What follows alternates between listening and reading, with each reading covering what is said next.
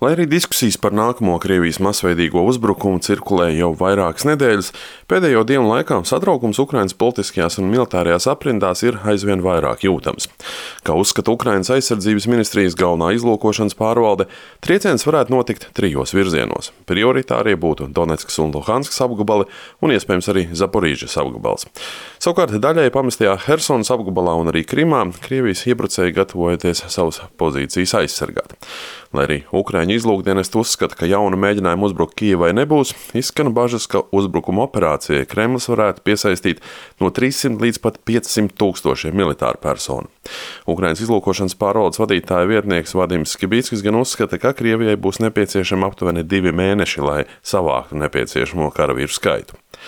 Savukārt, kā uzskata Luhanskas apgabala militārās administrācijas vadītājs Serhijas Haidais, mobilizēto apmācību Krievijas spēkos iet uz beigām, tāpēc uzbrukums var sākties jebkurā brīdī, jau pēc 15. februāra.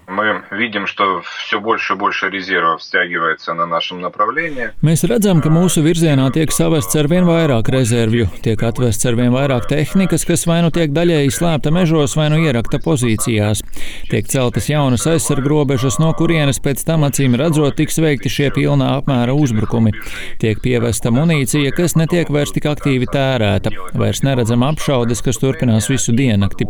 Tāpēc mēs saprotam, ka viņi sāk nedaudz ekonomēt, gatavojoties visaptverošam uzbrukumam. Izlūkdienas pārstāvji arī norāda, ka līdz šim karā pret Ukrainu ir izmantot aptuveni 600 Irānā ražoto bezpilota lidaparātu un drīzumā Teherāna Maskavai gatavojas piegādāt jaunu sūtījumu. Kopumā Krievija no Irānas esot apņēmusies nopirkt nopirkt 1750 šādus lidaparātus.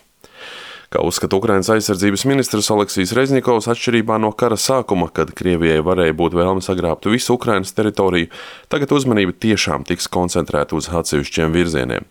Un pēc Reznikova domām, Krievijas spēku galvenais mērķis varētu būt tieši sauszemes koridora paplašināšana un nostiprināšana Zaporīžas apgabalā, lai garantētu turpmākas piegādes Krimai. Tikmēr arī Ukraina ar nepacietību gaida rietumvalstu solītās un piešķirtās militārās palīdzības pienākšanu. Kanādas aizsardzības ministra Anita Ananda ir paziņojusi, ka pirmais no Kanādas Ukrainai piešķirtajiem četriem Leopard tankiem jau ir ieradies Polijā. Šeit jāpiemina, ka Ukrāņu tanku ekipāžu apmācība var aizņemt mazākais piecas nedēļas, tāpēc rietumu smagās kaujas tehnikas drīza ierašanās Ukrainā vēl nav gaidāma, vai arī netiek atklāta. Uģis Lībijams, Latvijas Radio.